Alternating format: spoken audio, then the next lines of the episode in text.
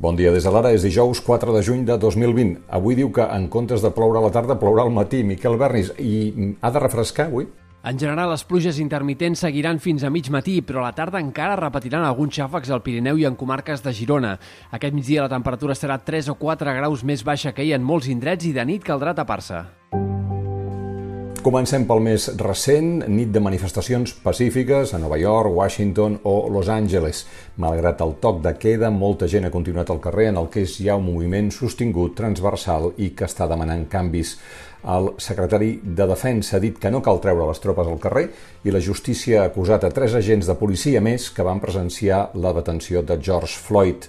Uh, I el que va ser secretari de Defensa de Donald Trump, el general John Mattis, ha dit Donald Trump és el primer president de la meva vida que uneix que no uneix els nord-americans. És que ni ho prova, al contrari, intenta dividir-nos. Estem sent testimonis de les conseqüències de tres anys d'aquest esforç deliberat. I qui també ha parlat aquesta nit ha estat Barack Obama, no ha estat un discurs, sinó que ha participat en, en una sessió de Zoom, ha dit que estem veient unes imatges que no havia vist en la vida, que les manifestacions d'aquests dies el fan sentir optimista per la joventut que ha sortit i que aquestes protestes dels joves reflecteixen un canvi de mentalitat que cal sostenir eh, el dia que deixin de sortir al carrer. La sessió d'ahir al Congrés, Esquerra va votar a favor de la pròrroga de l'estat d'alarma, Junts per Catalunya en contra i Gabriel Rufián va pronunciar un discurs dur contra Junts per Catalunya. Por Esquerra Republicana habla y decide Esquerra Republicana, desde Bruselas hasta Martorellas, pasando por el Congreso y por el Parlamento de Cataluña. No somos los criados de nadie, de nadie. Si no sois convergencia, pues no os tenéis que cabrear, se habló de Puyol, ¿no? Sobre todo porque conviene la unidad y que no nos peleemos, no hay que pelearse. Laura Borràs ho va encaixar així. El discurso de hoy del señor Rufián, que me parece innecesario, ofensivo y que mira más al pasado que no al presente y donde debemos de mirar es al futuro. Pero tenemos que ser conscientes que no podemos prescindir de nadie, que todos somos necesarios y dejar de atacarnos a nosotros mismos para, en todo caso, señalar a quien no quiere e impide, utilizando todas sus artimañas, que podamos sobrevivir como nación. També al Parlament, a la sessió de control, els dos grups van exhibir les seves diferències. En una entrevista a Catalunya Ràdio, el president Torra va admetre que el govern ja no té recorregut polític, va dir. El president va afirmar que no convocarà les eleccions fins que no se surti de la crisi i va lamentar el suport d'Esquerra al PSOE.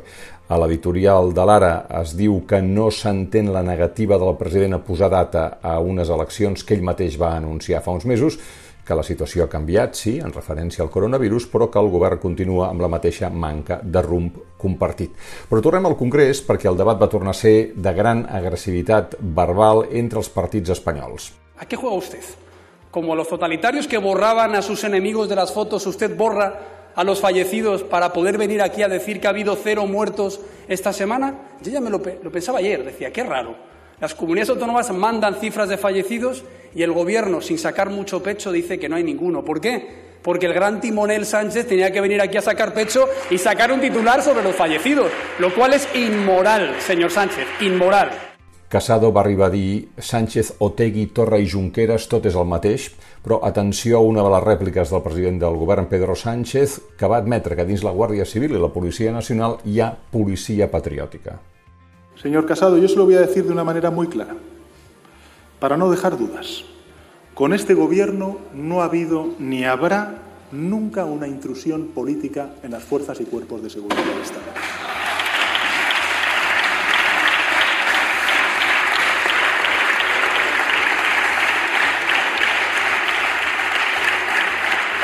No. Señor Casado, señora Bascal, no somos iguales. Les puedo garantizar una cosa a los españoles. Mientras gobierne el Partido Socialista y Unidas Podemos en este gobierno de coalición, con este gobierno no se va a producir nunca, nunca, nunca una mal llamada policía patriòtica. Sentir-los parlar quan encara contem morts és gairebé insultant, però és que no només són els morts. Espanya ja acapara el 29% dels aturats de la zona euro. I això que, malgrat que demogràficament els espanyols tan sols suposen el 14% de la població. És a dir, que el pes dels aturats d'Espanya a Europa duplica el de la població. Ho explica l'Àlex Font Manté.